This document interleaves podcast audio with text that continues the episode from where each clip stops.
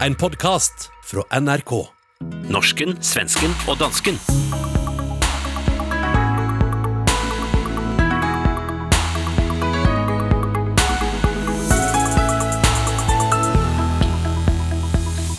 Svenskene debatterer om kjønn finnes eller ikke.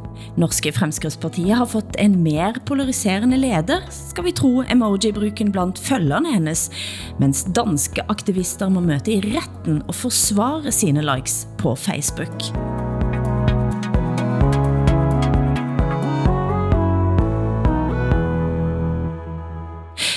Velkommen til ukens runde med panskandinavisk familieterapi, og vi kaster oss ned på chesselongen, for det har nemlig kommet ind veldig mange reaktioner efter at du, Åsa, fortalte at du nå takker nej til tv-optrædener på grund af skam over eget udseende. Har du fått nogen tilbakemeldinger? Eh, ja, det har jag fått. Ganska många.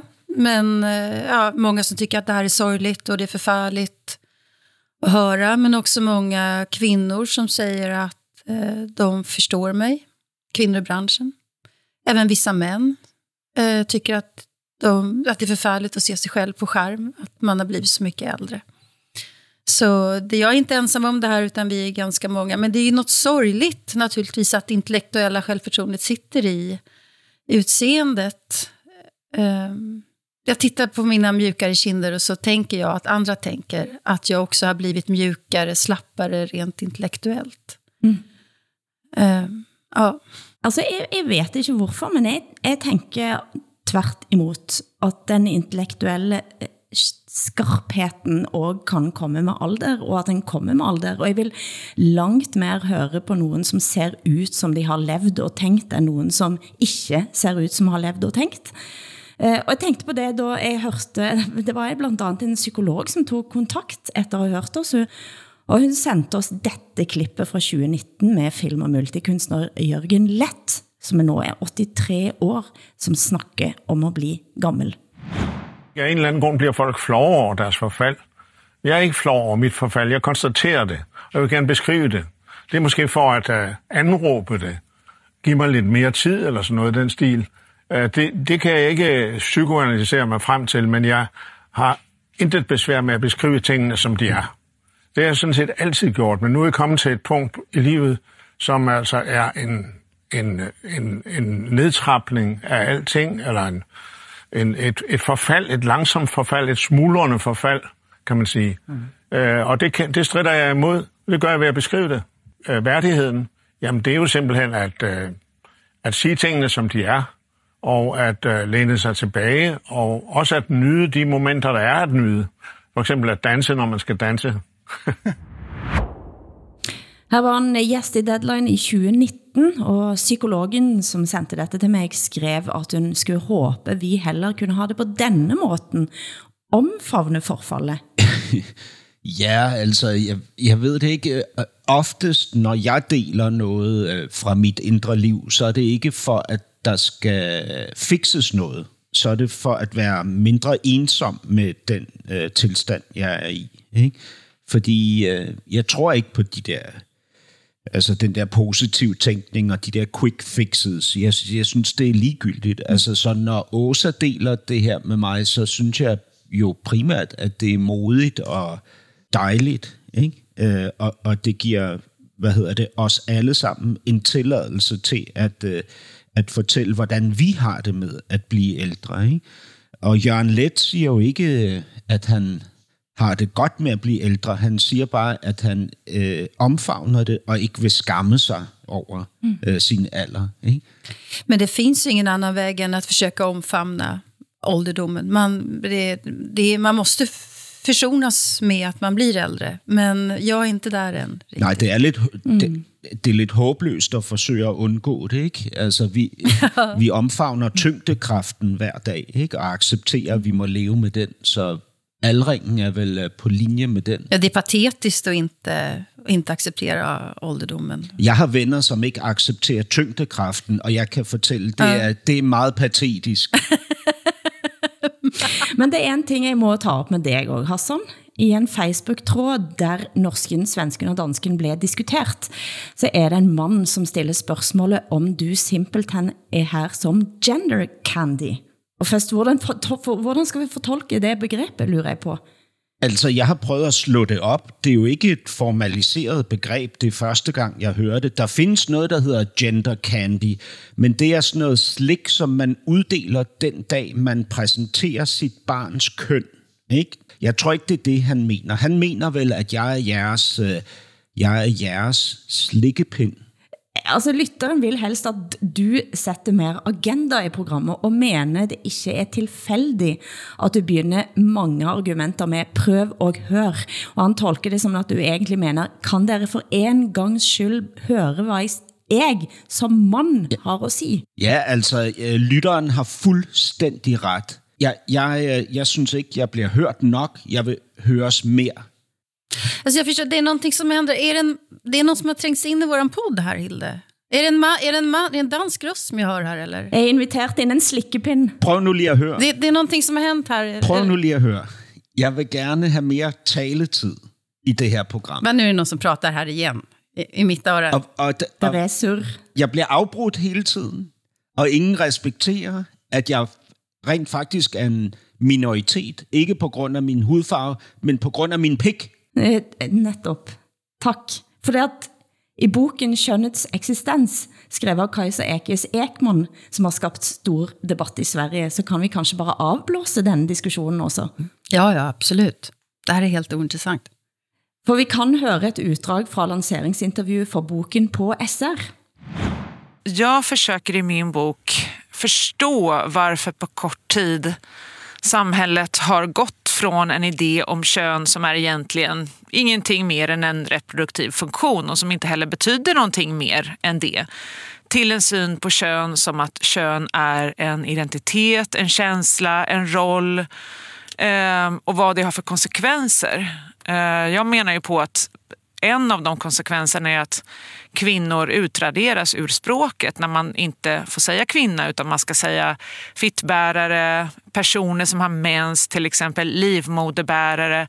Alltså om kön är någonting man upplever så är ju frågan då, vad är det man upplever och hur kan man uppleva att man tillhör ett kön? Och då är vi tillbaka i könet som är någon typ av beteende, ett sätt att vara, ett sätt att klä sig, ett sätt att känna.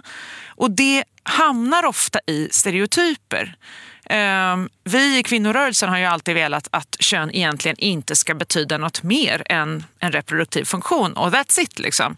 Så att problemet är ju när, när den synen då görs till lag, att kön då går från att vara en materiell biologisk verklighet till att bli en känsla så får ju det konsekvenser för, för jättemånga i samhället men framförallt då för kvinnorna därför att vår verklighet kommer inte längre att gå att dokumentera eller prata om på samma sätt.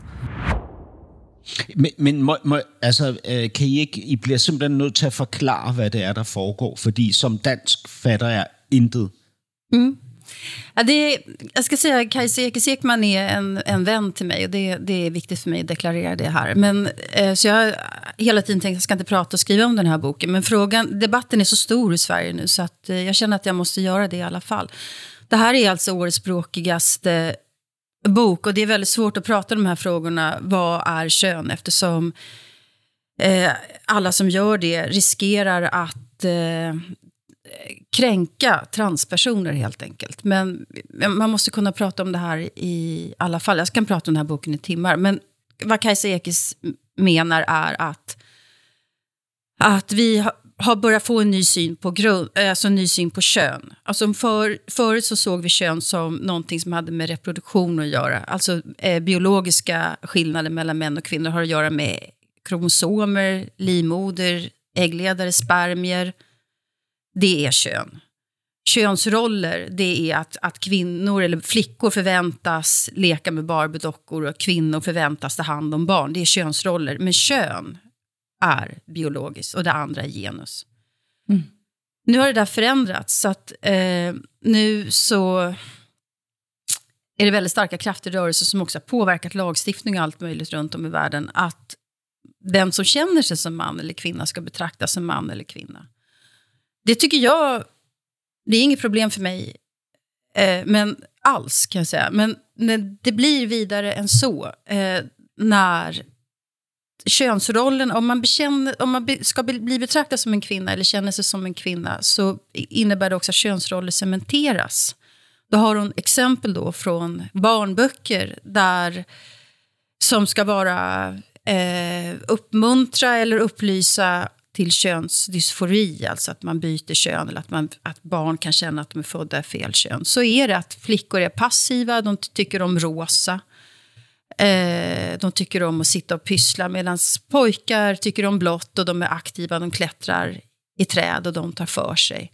Och då, då blir det ganska konservativt helt enkelt. Konservativa, alltså könsrollerna cementeras på ett sätt som jag trodde att vi skulle komma förbi.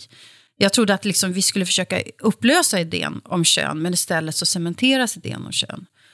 Och om man då säger att kön inte finns, jag var själv ganska intresserad av den här idén ett tag, att man skulle kunna ha könsneutrala personnummer till exempel. Det spelar väl ingen roll om det syns att jag är man eller kvinna.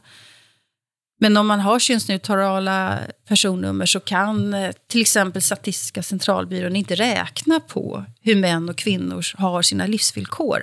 Det går inte att räkna på vår hälsa, på våra löner, våra pensioner och så vidare. Statistiken omöjliggörs. Då kan man heller inte synliggöra diskriminering eller, eller förtryck, om man nu vill använda det ordet. Det finns väldigt många fler spår i den här boken. Den har anklagats för att ha en rad faktafel. Och ett av, och skriver man en som faktatyngd bok så är det klart att det blir fel någonstans. Men ett av de faktafelen som hålls fram det är att Kajsa Ekis Ekman påstår att kön finns. Att det, att det finns män och det finns kvinnor. Uh, och det är det största faktafelet, menar man. Och, och, uh, så, så, där, så där står diskussionen i Sverige idag. Finns kön överhuvudtaget? Vad är en man och vad är en kvinna? Ja, og Kajsa Ekis Ekman mener at feministen har blitt lurt. For hvis en ikke kan snakke om kön, så kan vi heller ikke snakke om diskriminering. Ja, exakt. Och, och, och, i förlängningen så finns det också ganska starka, kraftiga rörelser som vill att man ska sudda ut ordet kvinna eftersom män som byter kön till kvinna inte bär eh, livmoder men ändå vill kallas kvinnor. Och så blir det en, en språklig distinktion här. Och då, då är, finns det de som verkligen menar att, att man ska kallas för livmoderbärare istället mm. för kvinna. Eh, eller icke-man till exempel, men det är ganska vulgärt, inte så många som föreslår det. Men, men Vänsterpartiet, som är det mest progressiva partiet, moderna partiet i Sverige, de förespråkar ju, de kan ju liksom prata om livmoderbärare istället för kvinnor. Så att man gör, som kvinna känner jag mig degraderad. Jag kan också säga att jag har aldrig funderat särskilt mycket över min roll som kvinna överhuvudtaget. Jag betraktas ju inte som feminist i Sverige. Men här gör jag det. Jag känner mig degraderad till att bara vara någon som bär runt på en, på en, en livmoder. Gör jag. Men det man, det man måske kan sige er exceptionelt, det er, at det er jo ikke perifære marginale grupper, som ligesom forsøger at gennemtvinge en dagsorden her. Det er jo øh, altså staten, der introducerer de her principer. Er det ikke rigtigt, Åsa? Den svenska stat? Ikke? Ja, absolut. Eh, den svenska staten vill, eller rödgröna regeringen till exempel lagt fram ett förslag om att barn utan föräldrars medgivande ska få, få sätta in medicinsk behandling för att byta kön. Man får inte, alltså inte ens byta efternamn som 12-åring eller 15-åring i Sverige idag utan att båda föräldrarna går med på det. Men byta kön kan man få göra. Och det finns alltså en... Man har tagit, opererat bort brösten på åtminstone en 14-åring eh, i Sverige. Och det går ju inte att göra något, det går, när man är så liten kan man inte fatta konsekvenserna av sådana beslut. Mm. Eh, ofta beslut som, som eh, ja, det påverkar kroppen för resten av, resten av livet. Men så det, dels är det en medicinsk diskussion och då, då får man vara väldigt tydlig med att det inte är transpersoner som man vill diskutera här, utan det är transvården. Mm. Eh, det är två helt olika saker. Men sen är det också, vad betyder det att eh, att kön, biologiskt kön inte längre anses finnas, utan det är bara könsroller. Hur ska de könsrollerna i så fall beskrivas? Vem ska beskriva dem? Och ska man sudda ut ordet kvinna därför att eh, det är inte tillräckligt inkluderande de män som har bytt kön men som inte har vagina. Vad betyder det här för, för vår eh, syn Och vår möjlighet att diskutera, diskutera förtryck. Skottland till exempel har ju tagit bort eh, begreppet kvinna och pratar hellre då om cis-person. Det är också ett sånt här begrepp som är jättesvårt tror jag, för, eh, för många att förstå och sätta sig in i. Vad är en cisperson och vad är en transperson? Och det är väldigt många begrepp här som är, det kräver rätt stor folkbildning skulle jag säga för att kunna ro det här i land om man ska ha med sig alla på det. Ja, jag tror också det kräver en förståelse av Sverige, ikke? alltså den här statsindividualismen ikke? Som, är, är, som ju går, går bananas, ikke? Fordi Men det kommer inte från Sverige heller. Det här är, det här är en global rörelse. Och det är så många som känner, och det känner jag ju själv, som att jag vill vara på rätt sida om historien. Alltså jag, homosexuella fick kämpa för sina rättigheter alldeles för länge. Kvinnor har kämpat alldeles för länge. Och så finns det ytterligare en grupp här som, som på riktigt är diskriminerad. Alltså, eh, de som har könsdysfori, för det, det finns ju sådana. Men vilka konsekvenser ska det här få för, eh, för lagstiftning eller eh, forskning, eh, ju- juridiskt, filosofiskt? Det är så mycket här att prata om, men det har skapat en otrolig debatt. Men, men det er jo så vildt, fordi jeg forstår jo godt det her med, at man ønsker at stå på den rette side, når der skal skrives historie. Så naturligvis, altså sådan har jeg det jo også. Men det, er så, det bliver jo så ekstremistisk, når det er sådan, at øh, gruppers øh, forsøg på at skabe albuerum for øh, de individer, de repræsenterer, kommer til at blive øh, jeg ved ikke, hvordan man ellers skal beskrive det, en diktatorisk eller, eller øh, totalitært. Altså, det er, jeg, jeg, jeg bliver skræmt af det her, det må jeg sige. Men jag måste ändå gå tillbaka och säga att det här är inte specifikt svenskt. Det är faktiskt inte det.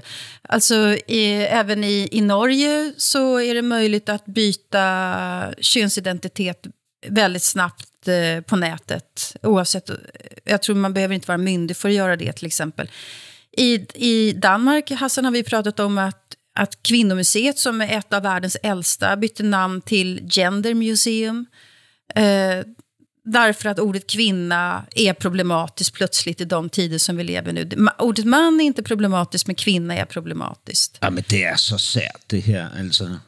Det här är inte typiskt svenskt. Eh, men det som, det som är intressant är att vi har den här diskussionen i Sverige nu. Och det, det, den är otroligt arbetsam. Jag känner själv här att jag nästan ångrar att jag sa att vi skulle prata om det här. För att det är, det är så lätt att, eh, att eh, verka okänslig, eh, omodern, eh, skada folk som jag inte vill skada.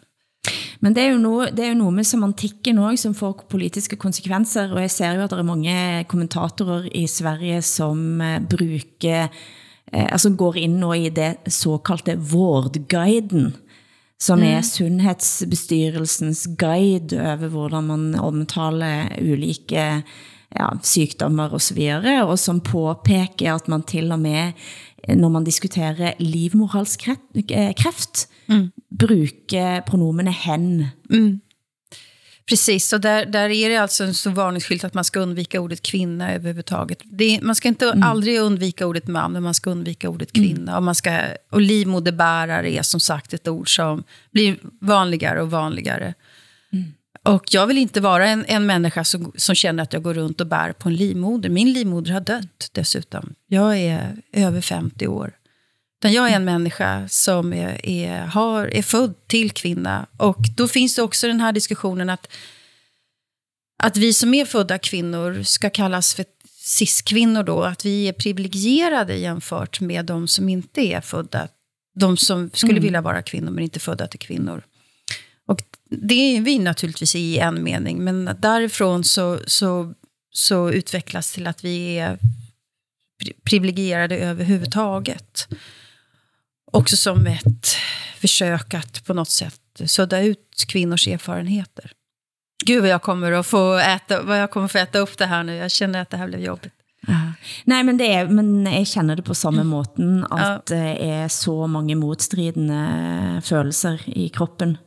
Denne kvindelige kroppen. Det är så svåra frågor det här. Jo, men prøv at høre, hvad er det for nogle modstridende følelser i kroppen? Jo. Altså, der, hvad, hvad? För att man, vi vill inte, jag vill inte skada någon, men jag tycker att man ska kunna prata om allt. För att det här är rätt. Jo, men, men, jamen, altså, Ja. ja. siden, hvornår, siden hvornår har vi haft en forestilling om, at vi kan gå igennem det her liv uden at skade nogen? Og siden hvornår er det blevet sådan, at ens synspunkter bliver betragtet som skadelige, altså så skadelige, at de skal begrænses. Altså prøv at høre, det er jo ikke sådan her, vi kan operere. Altså vi kan jo ikke, vi kan jo ikke begynde at lade os begrænse i det, vi mener og tænker og synes, øh, eller bare at have en diskussion omkring det, fordi nogen synes, at det er grænseoverskridende. Altså, det kan jo ikke lade sig gøre at indrette øh, samfund, som skal fungere som tænkende, organiske, udviklende størrelser, hvis vi lægger det der ned over os selv. Altså, det går ikke. Det var helt rätt och det kanske är en kombination av att jag inte vill skada någon men att jag också är rädd för att bli eh, cancellerad och deplattformerad. Eh, som man kan bli om det kanske är rent egoistiskt också. Att jag tycker att det här är obehagligt att prata om för det skulle vara mycket lättare för alla av oss att bara hålla käften. Helt klart, helt klart. Og, men, men altså, det, det der jo er, det absurde i det her, det er jo, at den der statsindividualisme er jo skabt for at skabe den ultimative frihed for individet. Det ved jeg jo godt, at det ligesom er, var det svenske princip. Men det den jo ender med at komme til at gøre, det er jo det modsatte. Ikke?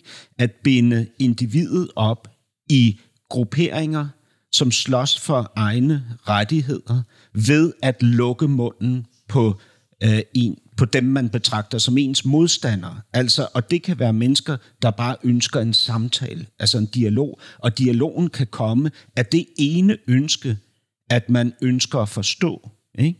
Det kan være dialogens fundament, men det bliver ikke betragtet sådan. Og Åsa, grunden til, at jeg nævnte det med Sverige før, det var ikke for at bashe på Sverige. Det er sådan set ikke det, det handler om.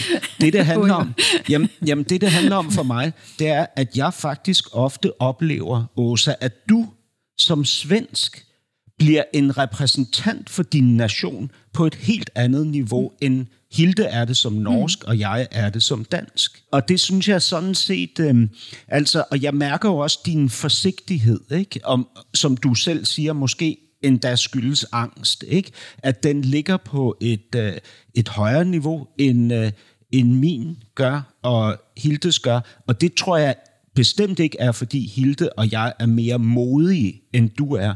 Jeg tror, det handler om noget andet. Og det er nok noget, som jeg vil kalde svensk. Ikke? Men det kan du måske ikke sige. Måske kan du ikke sige det. Jo, det, jag gör det. Jag tycker det är intressant. För, men om man tänker den kritiken som jag får här i Sverige, det är att jag inte representerar Sverige i den här podden. Så att jag bara klagar på Sverige hela tiden. Och tycker att, att Sverige är pinsamt som ska vara moralisk stormakt. Och att hela den här åsiktskorridoren som jag själv har varit med och spikat ihop, som jag brukar prata om. Att jag säger att det är hopplöst att prata om saker och ting i Sverige. Så att i Sverige så uppfattas jag ju som att jag kritiserar Sverige för mycket. Och de som kritiserar mig för det, det är människor som aldrig annars kallar sig, eller tycker att man ska ha ett nationalistiskt liksom, eh, käns känslodrama överhuvudtaget kring sin Men det er jo også det... kring men, sitt men, hemland. Eh, de, de, de ser sig själva som, som eh, motståndare mot all sorts nationalism. Men när jag pratar som man tycker illa om Sverige i våran podd så får jag höra det. Så det är intressant. men, men når man siger, at du ikke repræsenterer Sverige fra svensk hold, så er det jo, mm. fordi man forventer, mm. at du skal repræsentere Sverige. Og at du skal gøre det med en form for po- øh, positivitet. Ikke? Altså, det er, det er jo absurd. Jeg, jeg tror slet ikke, der ligger de forventninger til mig her i Danmark, om at jeg skal repræsentere, og hvis jeg, mm. og hvis jeg fortæller noget negativt om min nation, så er jeg en landsforræder. Det er jo ikke... Og, og prøv at høre, det er jo virkelig, virkelig spændende, fordi vi taler meget om, at nordmænd er hypernationalistiske, og danskere er forholdsvis nationalistiske. Men, men Hassan, om jag får klämma dig lite på, på pulsen då. Kan du ge ett exempel under alla våra poddtimmar när du har varit kritisk till Danmark? Og herlighet hele tiden også. Det er der absolut... Nej, är det så? Det är för att jag är ännu mer kritisk kanske, så jag hör det inte. All, alt som handler om socialdemokratiet og Mette Ja, Fredriksen. men Mette Fredriksen, men det är ju en annan sak att vara, Nej, att vara mot ja. regeringen. Men att, att diskutera sitt land, det är någonting annat. Nej, jeg, har da, jeg, har, jeg synes da, jeg så absolut har diskuteret iboende ting. Jeg synes jo ikke, at det, at det er et spørgsmål om, om Mette Frederiksen, at vi opfører os som øh, lojale, øh, marcherende partisoldater over for hende. Det synes jeg jo er et, et problem, der ligger i danskheden og så videre. Ikke?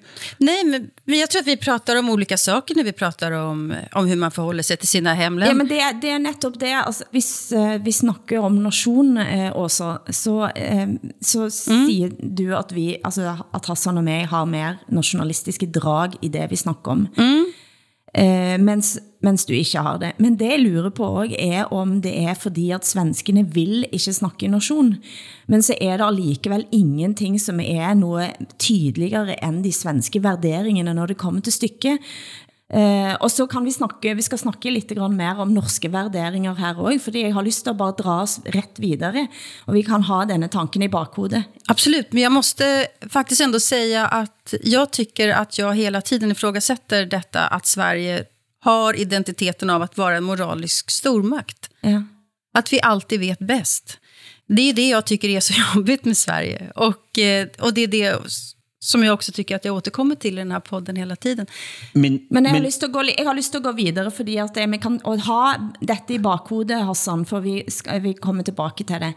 Eh, via denne saken, en sak for Danmark som er interessant i den pågående retssaken mot Men in Black-aktivisterne som protesterte mot coronarestriktionerne. Så brukes nå likes på Facebook som bevismateriale. Når, anklag, når anklager i byretten i København skal tegne et billede av tiltalte demonstranter af de omdiskuterte coronasaker, har de i udstrakt grad brugt de anklagets bevægelser på sociale medier som Facebook og Instagram, skriver politikken. Altså når nu vi ved, at der i Danmark er dobbeltstraf for aktiv, aktiviteter, som kan placeres under coronaparaplyen, ikke? så er det her jo øh, skræmmende perspektiver, at anklagemyndigheden ligesom gennemtrawler de sociale medier for at se, hvad man har liket og kommenteret på igennem tiden. Altså, øh, altså øh, hvad kunne det være? Vaccinekritiske artikler, man har læst og delt, eller en, øh, en øh, perifær læge, læges udtalelser om øh, ufarligheden ved corona, som man har liket. Altså, det kan give en problemer, når man så står i retssagen og er under anklage for at have deltaget i demonstrationer, og måske også at have kastet sten mod politiet, det ved jeg ikke, men i hvert fald, når man er under anklage, så bliver det her en del af bevisbyrden. Ikke? Som de siger i amerikanske filmer, everything you say can and will be used against you, og nu er det altså, kan man like eh, eller eh, dele. Og så er det en av grunden til at du ikke er på sociale medier. Har du noget at skjule? nej, ja, ja, nej. Alltså, jag tycker folk överhuvudtaget är eh, naiva kring att lajka saker på sociala medier. Om jag var en arbetsgivare och skulle anställa någon, då skulle jag gå igenom den Facebook-sidan direkt och göra en åsiktskoll.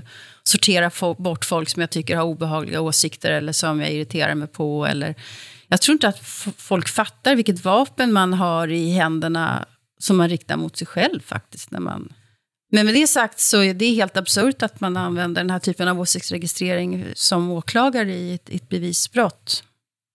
Som, som, som bevis. Altså, det er jo også noget med, at domstolen, altså hele systemet omkring øh, dem, der skal praktisere de, de nye love, som øh, de får i, i hænderne, at de er nødt til at teste lovens grænser. Ikke? Øh, det er jo sådan, det er. Og der kommer nogle øh, individer i klemme i det testsystem, der er. ikke.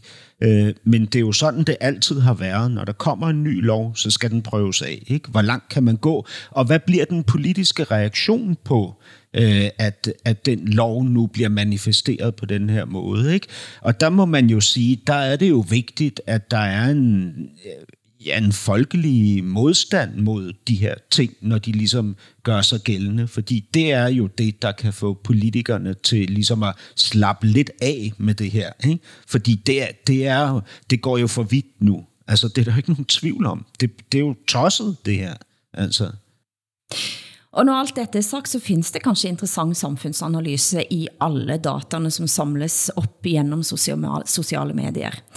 Norske Aftenposten har gjort en sammenligning av Siv Jensen og Sylvi Listhaug, altså påtroppende og avtroppende leder av eh, Fremskrittspartiet, det vigtigste fundet de har gjort, er at følgerne til Siv Jensen reagerer på Facebook-indlæggene hennes med hjerte-emojis, men følgerne til Sylvie Listhaug reagerer med sinna-emoji, altså dette sinte ansigtet. Og avisen spørger, hvad kan Facebook-engagementet fortælle om Fremskrittspartiets nye leder? Og min tolkning er i alle fall at Listhaug er systematisk mer polariserende, og det giver mig en ganske dårlig følelse for den norske debatten fremover. Men hvis vi skal sammenligne med Jimmy Åkesson også, hvilke følelser er det han trigger hos sine følgere? Hvad slags rolle prøver han at ta? han är extremt eh, polariserande också. Det är nog rätt många så här, negativa emojis som stöd-emojis, tror jag. Det är det symbolspråket. Men jag vet inte, jag är inte på sociala medier, så jag vet faktiskt. Altså for mig, så at jeg, jeg, jeg har sagt det før, at Sylvie Listhaug blir min eh, lille Hassan. Eh, Hassan har eh, brugt en del programmer for at snakke om Mette Fredriksen, og jeg har en følelse av at Sylvie Listhaug kommer til at blive min. Og i rett på podcastene Dagblad, så havde de altså klippet sammen en serie uttalelser for Sylvie Listhaug, som viste hvor glad hun er i at snakke om norske værdier, altså norske værderinger. Forsvaret for de norske værdierne for det norske levesettet. Forsvaret for Ja, det er viktigere enn noen gang. Norge står i en tung verdikamp. Forsvaret for stemple Norge som et rasistisk samfunn er det dessverre Fremskrittspartiets oppgave nok en gang å sette ned foten for disse angrepene på våre verdier jeg som er generelt optaget av både norske og nordiske værdier, hører dette, så får jeg lyst til at melde mig ret ind i EU og skrote nationalstaten. Ja, Eh. alltså jag, Og så, jag är irriterad på de som säger att det inte finns några svenska värderingar, utan att... Eh, eh, och det är vänstersidan, antirasister, som gör det. Och eh, det tycker jag är ohistoriskt, för det är klart att det finns värderingar som vi har i Sverige som hela lagstiftningen bygger på, till exempel. Eh, som är genuint knutna till moderniteten och till välfärdsstaten. Progressiva värderingar. Till exempel så har vi en vidsträckt abortlagstiftning. Vi har en eh, föräldraförsäkring där vi där båda föräldrarna ska ta ut sina dagar. Vi har en massa, massa alltså jäm, jämlikhet, jämställdhet är sånt som vi bygger vår, mycket av våra värderingar, eller vår identitet kring vår lagstiftning och så. Mm. Klart man måste kunna prata om svenska värderingar, även om de finns på många andra ställen också. När man säger att det inte finns några svenska värderingar, när vänstern gör det, så ger de ju upp många av sina kampområden också, eller det man faktiskt har uppnått. Tänker jag. Det, det märkliga är att när högerpopulister pratar om, om norska värderingar, eller svenska värderingar eller danska värderingar, så är det ofta värderingar som inte ligger i linje med eh, de här värderingarna som är historiskt framarbete, som att kvinnor ska vara kvinnor och män ska vara... Fast nu är vi tillbaka där i och för sig. ja, men det var netop derfor, jeg eh, faldt innom her. Ja, just.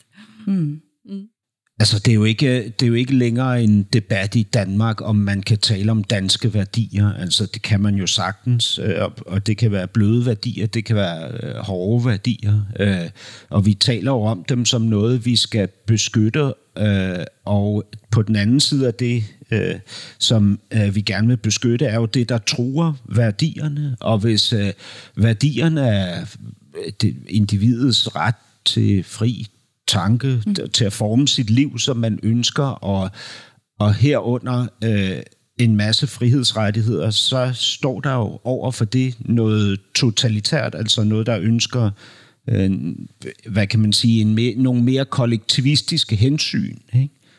Ja, for i politikken i forrige helg, så havde Birgitte Kosovic, dansk-serbisk forfatter, en artikel. Og den artiklen fik dig, Hassan, til at reagere, og hvorfor?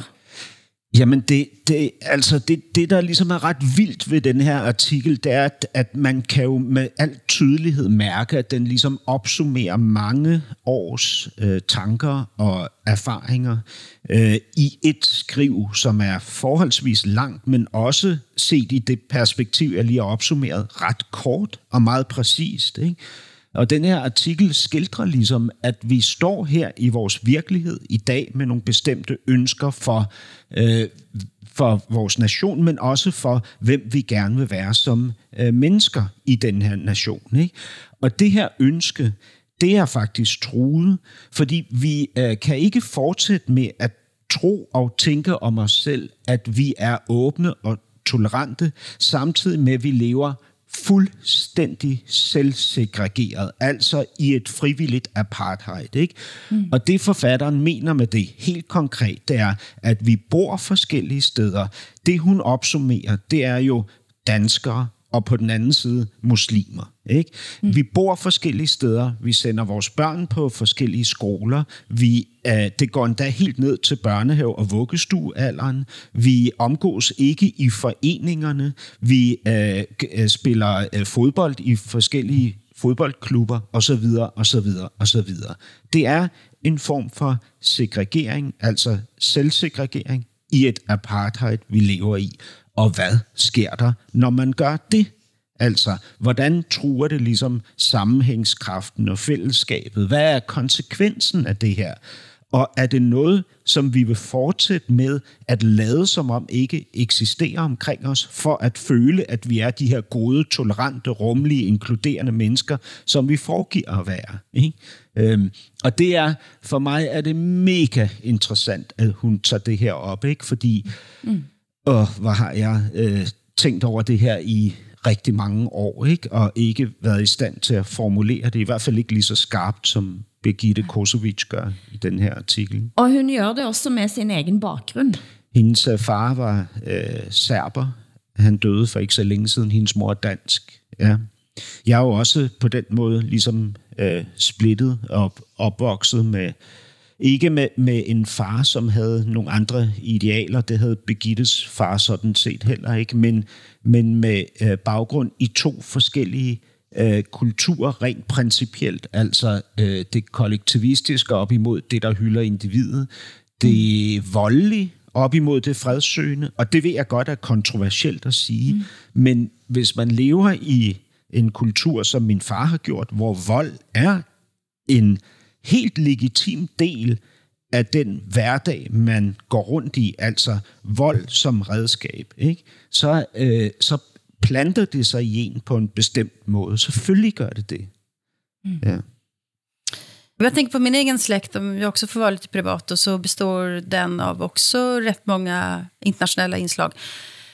Ryssland, Italien, eh, Serbien, en palestinier, en engelsman, lite allt möjligt. Eh, men eh, det är skillnad nu mot då att eh, när jag var barn, när alla kunde få arbete, för det är ju ändå den största möjligheten för integration. Det är ju arbete och bostad, skola, utbildning och att man blandar barnen i idrottssammanhang och sådär.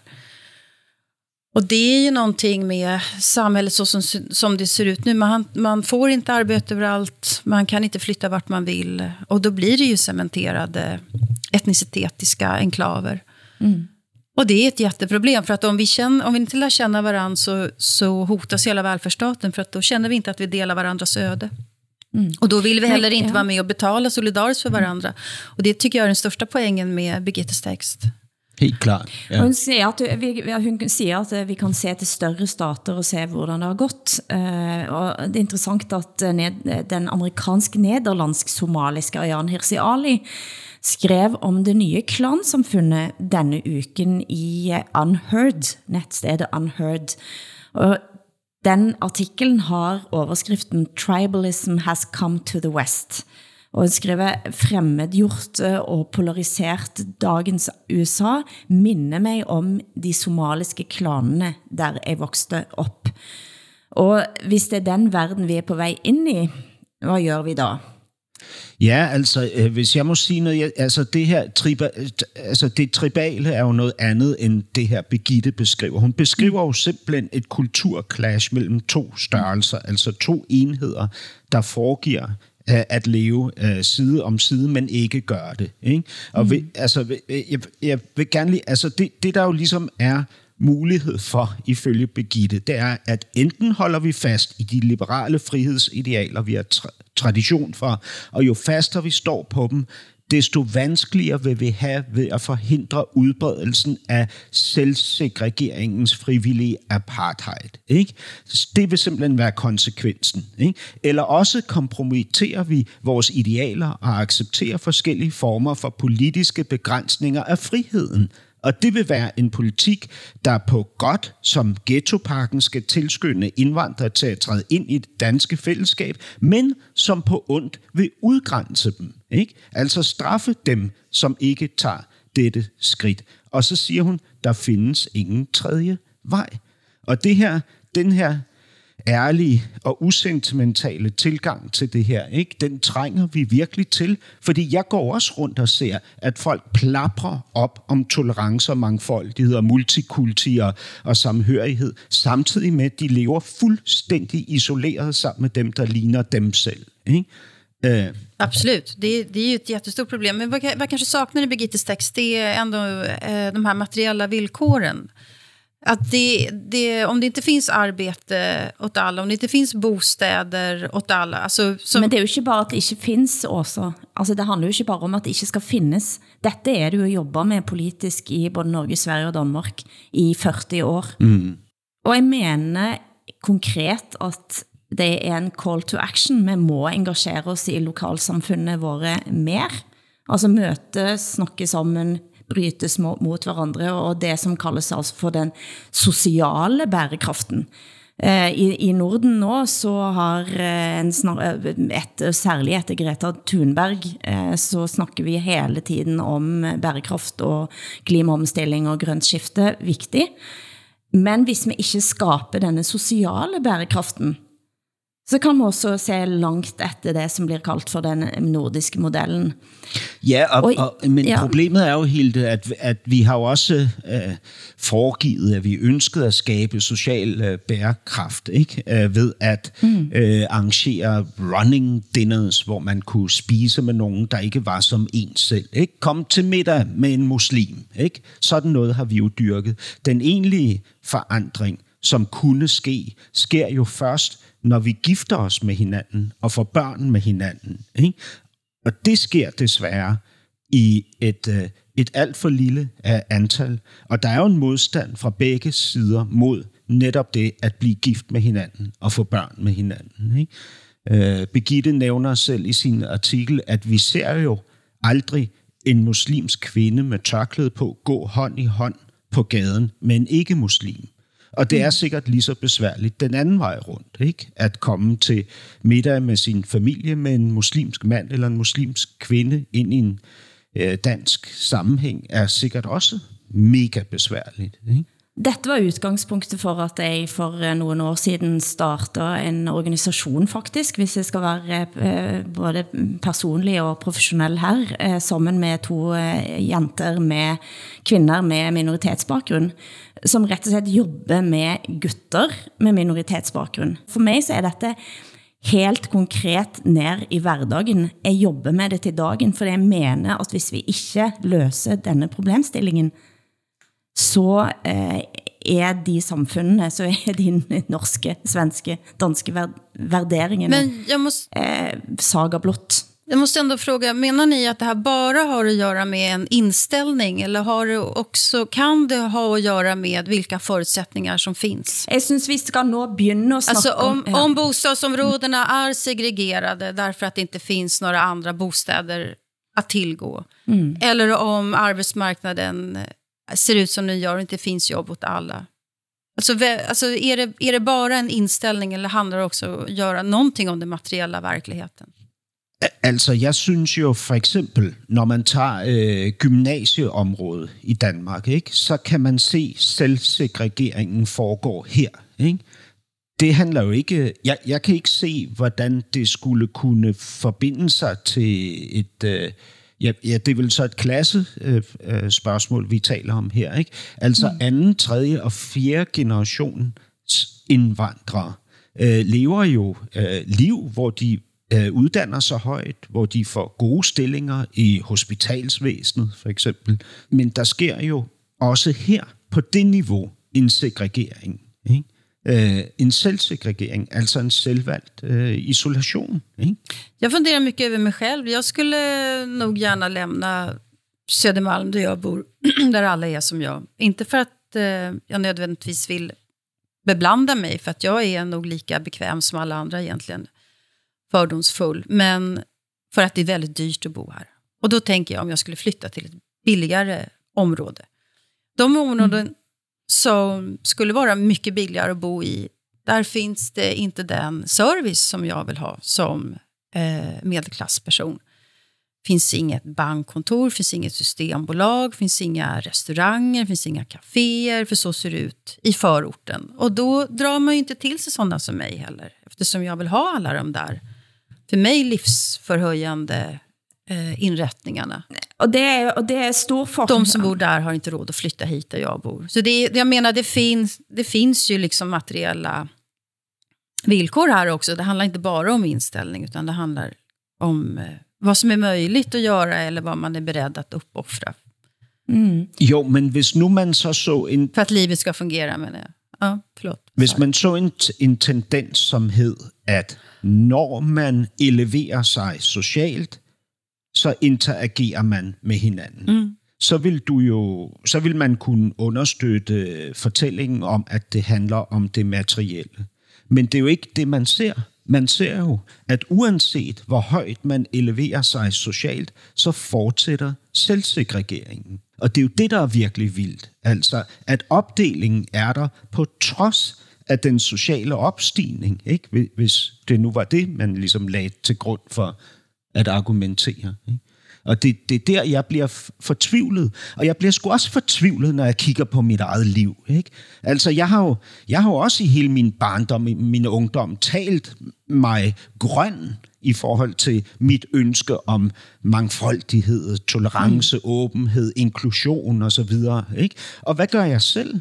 Altså, jeg isolerer mig jo også. Ikke nødvendigvis med dem fra min egen klasse, men med folk, som er danske, som er ikke muslimske. Ikke? Altså, det gør jeg da også. Jeg har nærmest ikke nogen muslimske venner. Og dem, jeg har, de få, jeg har, er så moderate muslimer, at man nærmest ikke ville kunne kalde dem religiøse. Altså, det, er, det, er, det her er virkeligheden. Ikke? Men og, nu, nå, og nå er jeg, det, åh, det, det kommer så let ut som om at jeg sitter her og har en slags hellighet over mig. Men for mig så, jeg har taget konsekvensen av eh, netop den tanken, og har nå en række muslimske venner, og jeg har en række ganske, eh, altså veldig troende muslimske venner, eh, og jobber med det til dagen, og mener at vi må på et vis også ta højde for, at ja, vi mener kanskje at de norske eller svenske eller danske vurderingene eller værdierne er de bedste, men det synes også alle andre. Og det betyder at vi er nødt til at ta det også helt alvorligt og finde ut, hvad er det da som er i denne kulturen? Eh, og vi har i så lang tid været så optaget av ikke at snakke om kultur, på samme måte som vi nå begynder at sige, at vi kan ikke bruge ordet kvinde. Jeg mener, det hænger faktisk lidt sammen. Og vi må kunne begynde at snakke om, at kultur findes, køn findes. Og så kan vi gå derifra. Fordi vi mener alle sammen, at vi er bærere av det bedste. Eh, og hvis vi later som om at folk kommer bare rejsende til våre land eh, og over natten eh, synes at det vi tænker og mener er det bedste, så har vi tabt. Men hvis vi kan vise, som Hassan er innom, at det vi kan tilby i det nordiske fællesskapet er netop en frihetstanke, så kan vi komme noget sted. Men vem ska definiera vad som är frihet här då? Altså, er, kan du snakke om noget andet end den individuelle friheten? Men är inte hela välfärdsstaten som, som, som eh, nordiska fundamentet bevilar på att, man ska, att individen ska vara så fri som möjligt? Netop. Men, men eh, kan man tänka sig att eh, någonting har gått förlorat också i att eh, man är så individualistisk då? Kan man inte tänka sig det? Att alla ska vara sin egen lyckas smed och... Jo, Kan man inte förstå om det finns de som tycker att, det, att vi har tappat bort idén om familjer och kollektiv och gemenskaper? Men der kan vi snakke om det. Ja, men det kan vi väl? Kan vi inte prata om det? jo, jo, jo. Vi pratar väl om det ofta, eller? Jo, absolut. Altså, det kan man jo sagtens tale om, og det, og det kan man også gøre med masser af relevans. Ikke? Men spørgsmålet er, om nogen af os nogensinde vil have lyst til at træde tilbage i en konstruktion, hvor vi måske har mere øh, kollektivisme omkring os, men hvor vi ikke kan tale om det, vi gerne vil tale om. Det tror jeg simpelthen ikke, der er nogen af os, der har lyst til. Men det er jo det, der ofte sker i det, vi ligesom siger, står på den anden side af hegnet. Ikke? Det er, at man her frivilligt underlægger sig kollektivets øh, narrativ, og dermed kollektivets dominans. Ikke? Mm. Fordi det er i grundindstillingen, at det er det rigtige at gøre. Ikke? Og det, det er jo der, synes jeg, at det store, brutale clash sker. Ikke? Fordi, Åsa, du har jo ret. Hvem siger, at vi kan vurdere, at det her er det bedste, ikke? det som vi repræsenterer? Men vi er jo ikke villige til at gå på kompromis med det, hvis det kommer til stykket, og indføre lovgivning for eksempel, som dikterer, hvad vi må gøre og ikke må gøre, siger og ikke må sige, og tænker og ikke må øh, tænke. Ikke? Jeg har lyst til at bringe ind en kort sak eh, mot slutten, fordi i den mm, polariserte tiden, som vi nu eh, har brugt masse tid på at vise frem, så er det altså at Nordisk Råd, denne paraplyorganisationen for våre nordiske land, har besluttet, besluttet at kutte 25% av sitt kulturbudget og lægge pengene over i grønt skifte. Nordisk Råd har drabbats av Greta Thunberg panik, sa en kilde i Nordisk Råd i en artikel i Hovedstadsbladet i høst. Jeg mener at dette hænger sammen eh, med det vi allerede har snakket om. Jeg mener at det er totalt kort tænkt, fordi det er så mange ting i vår tid, som kalder på en social bærekraft i en mye bredere udstrækning. Og nu viser det sig, at dette får konsekvenser. Det nordiske samarbejde rundt dokumentarfilmer og støtten til organisationen Nordisk Panorama, som er altså det vigtigste forumet for eh, dokumentarfilmskapere i Göteborg, har fått kuttet totalt sitt budget med 1,4 millioner danske kroner, og det vil i så fall bety kroken på døren for en, noe, et forum som har varit i 30 år, den vigtigste nordiske samarbejdene på kulturfeltet. For hvad er dette andet end en festival? Jo, det er altså stedet der flere nordiske dokumentarfilmer er blitt pitchet, og de har sett dagens lys. Filmer som har fått konsekvenser, og denne uken så kom blandt andet nyheten om at Scandinavian Star skal etterforskes, endelig. Det er etter et storslagent nordisk dokumentarfilmsamarbejde. Det er der historien om oss fortælles, som i Utøya dokumentar nylig, nylig og en, eh, et nordisk samarbejdsprojekt Muldvarpen vi har snakket om, filmer som Estonia, har dukket op der. Det at Nordisk Råd så eh, åbenbart ikke hverken sætter pris på eller eh, ser hvor værdifuldt det også er for netop at skabe denne sammenhængskraften, som du var innom, Hassan. Jo, men... Eh, synes ja, jeg er ganske provocerende. Ja, okay, fint.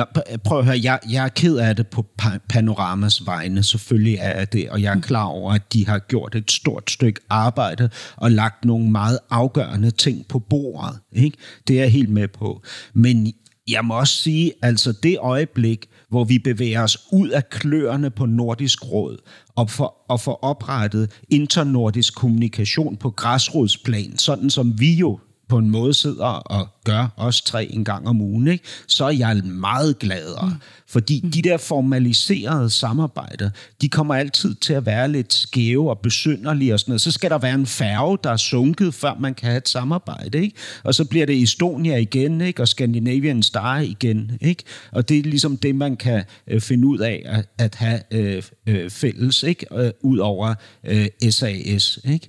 Og, og der, der synes jeg måske, at vi er er i en tid nu, hvor vi kommer til at ræse der ud af internordisk på nogle niveauer, som er meget mere interessante end dem, som Nordisk Råd har kunnet promovere. På mandag er det 17. maj, og nu har vi våre veldig nationalistiske her, både den ene og den andre i denne sendingen, eller kanskje ikke. Uh, Men skal... Hilde, du, Hilde, du taler om 17. maj, som om, at vi skulle vide, hvad, hvad det er. Ja, selvfølgelig skal dere vite, hvad 17. maj er. Det er jo verdens største dag. Det er Norges nationaldag. Vi blev kvitt danskene. Ja. Det er typisk at en danske har fortrængt den datoen. Ja, undskyld. på vegne af Danmark. Kan, kan du fejre den dagen for mig också? Jag firar den gärna och jag hoppas ju att jag ska få mitt barnbarn den 17 maj. För att om jag får det så ska det bli ett norskt namn. Så nationalistisk är jag i den här, i den här konstellationen. Att det blir ett norskt namn på, den, på det barnet. Vad- då. vad- det, är, det vad- är överenskommelsen nämligen. Hvad er et godt norsk navn? Nej, det, det, er jo, det er jo liksom Kari Norman da, men jeg vet ikke om jeg vil ha et barnbarn som heter Kari. Kanske blir det en gutt också, vi får se. Ja. Ofta när jag hör norska kvinnor presentera sina namn, så, eller när jag ser dem i ett, ett e-mail, så fattar inte jag om det är en man eller kvinna ofta. Ni har väldigt konstiga kvinnonamn, tycker jag. Det er jo meget progressivt, kan man sige. Det, det går ret ind i den svenske modellen. Just det. Men Kari, Kari og Ola, det er jo, øh, hvad hedder det, fra den der sang. Ja, du kan synge den igen på slutten. Producent har været Henrik Hylland Ulving, tekniker Miriam Kirkholm, takk til Hassan Preisler i København, Åsa Linderborg i Stockholm. Jeg heter Hilde Sandvik og kommer enn så længe fra Norge. Og hvis du ikke har fått nok av oss, så kan du tjekke ut våre podcastfeeder hos SR, DR og NRK, eller der du liker at høre på pod. Vi høres igen om en uke. Kjæring og med storven, højt op i Hokkedalen, og det på det med fire mærkesmøs, og sine kardioler hatte før. Kjæring og med storven, højt op i Hokkedalen. Sand. Hej! Vi ses nästa vecka.